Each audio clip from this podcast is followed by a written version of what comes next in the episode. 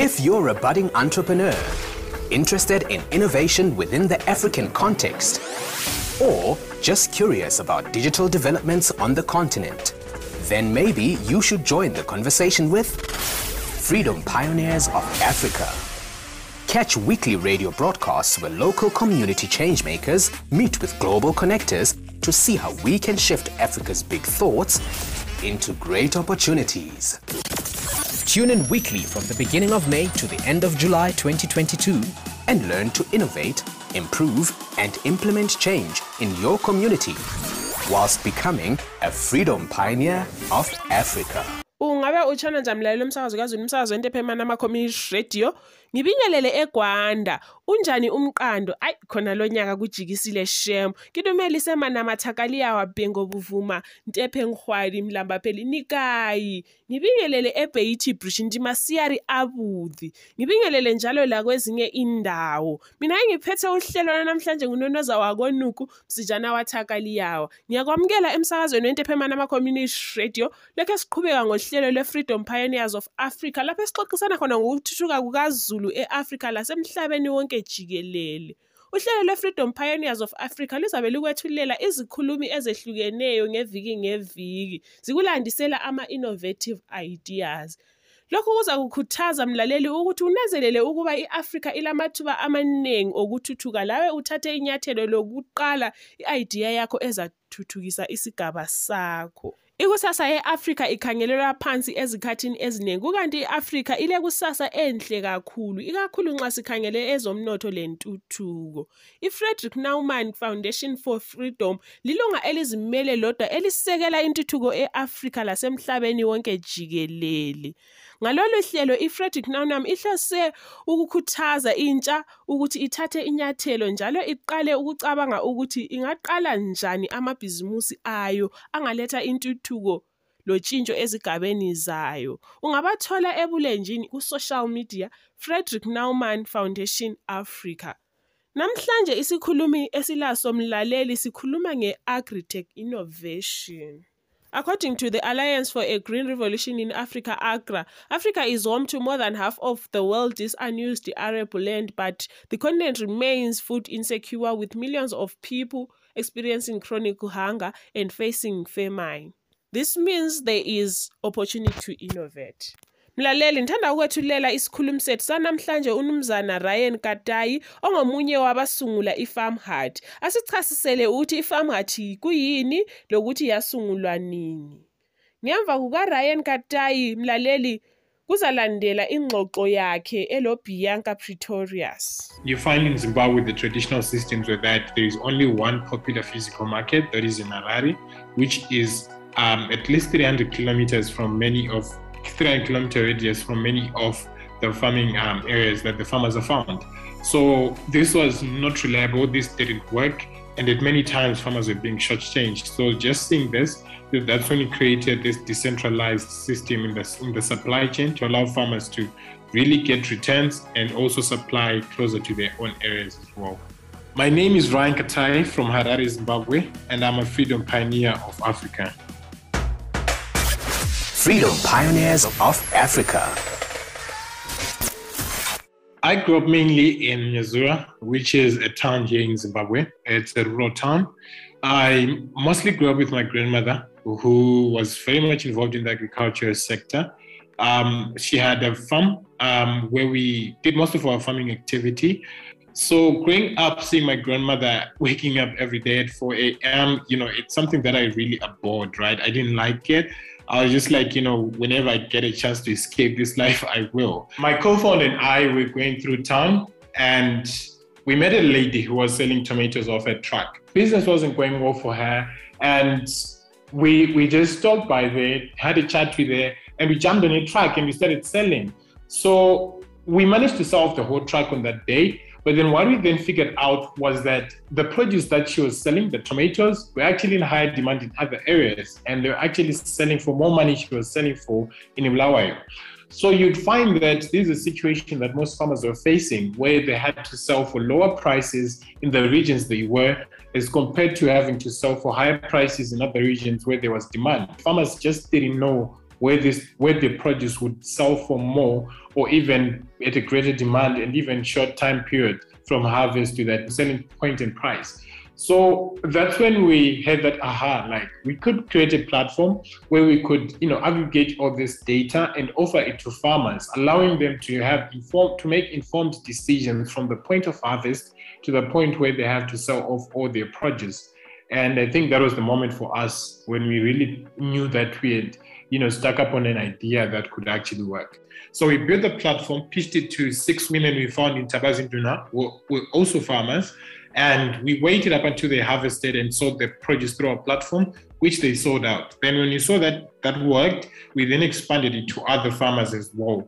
Earlier on, there wasn't much competition in the space. Um, there was just physical procurement that was taking place, and those uh, people in the supply chain later became our own partners with whom we're supplying the produce to. That was how we really got through uh, into the market.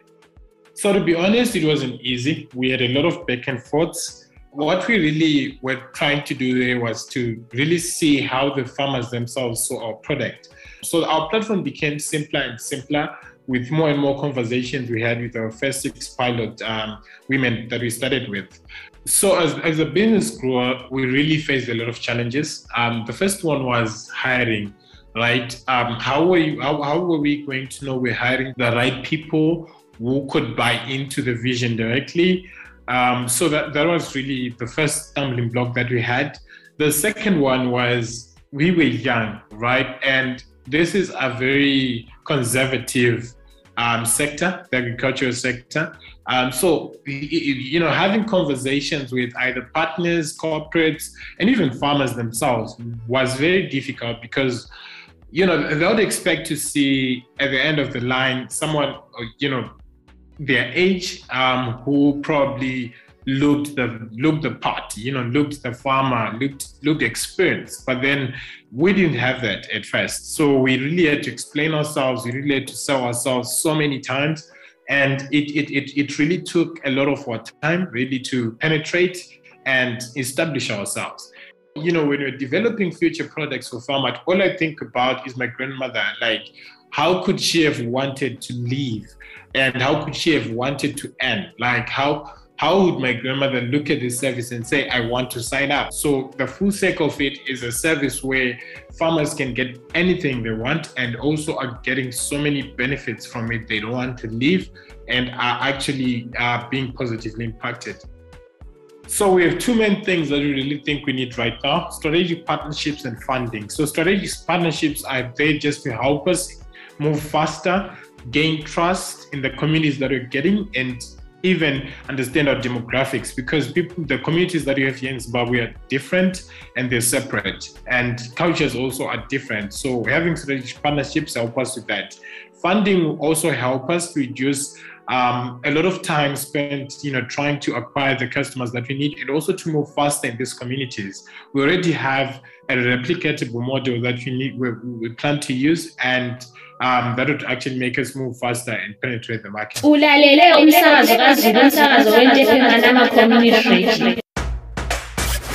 Freedom Pioneers of Africa.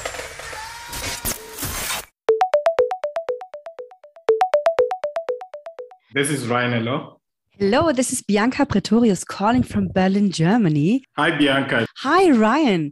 Um, I've heard about FarmHut, and I thought I really need to talk to this, this person who created that uh, that fantastic idea. So, am I right in thinking that FarmHut is this platform that helps farmers to basically get better prices for the products they're creating on their farmland, and to get that to the customers more easily through this AI platform. So FarmHut it seems to be this platform that you, you use AI to match demand and best prices so that if I'm a farmer, I can increase this already so little income that I have to actually get the best possible uh, for me on the market.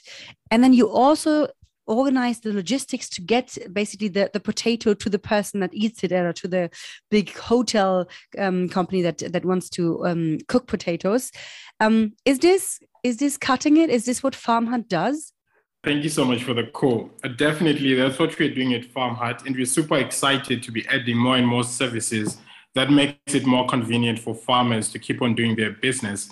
So basically what we envision is to ensure that farmers are connected with the best technologies available to reach out to very valuable customers that are available in the urban areas where they have almost all the customers that need their produce directly without needing to stretch a hand. So that's basically what we're doing, and we do look forward to adding more services to that. Interesting. What I really loved about this idea is that basically in, in the vision, it cuts out the middleman of um, you're a farmer and you spend all your day at hard, tough physical work to actually create food. And then all the middlemen that do the logistics and do the put it on the market, they take so much from the money that it's really painful of being a farmer. And um, to, to basically use technology to make the the process of getting the food to the fork this is where technology really can make a difference. Thinking about this big vision that you're building i also thought ooh that ryan will probably have a lot of like challenges. So to begin with um, the data was the first problem that we had. So most of our markets are physical. Um, where farmers actually go from farms and just go to set physical markets at least one per every province here in zimbabwe um, but then we have major one in the capital city where most of bulk of the produce is actually sold. So you find whenever you need to collect that data, you actually need to be physical on the ground. So we couldn't stretch our resources that far to get to 10 provinces at once, in as much as we wanted that. But then over time, we began to see ourselves stretching that and even seeing other people, you know, volunteers even coming up and even uploading the data themselves. So we are now more closely monitoring four provinces so far, the major ones, with plans to by the end of this year to actually expand to, to what 10 provinces here in Zimbabwe. Now, when you get that data, that's when you compound it and you actually make it make sense to the farmer in the simplest way possible. And we have also noted that, you know, most farmers face logistical challenges. So right now, we have our own fleet, but then we're continuously now adding partners to meet the demand that's coming from the farmers themselves to ensure that, you know, they they get affordable logistics at least technology will keep eating up every industry.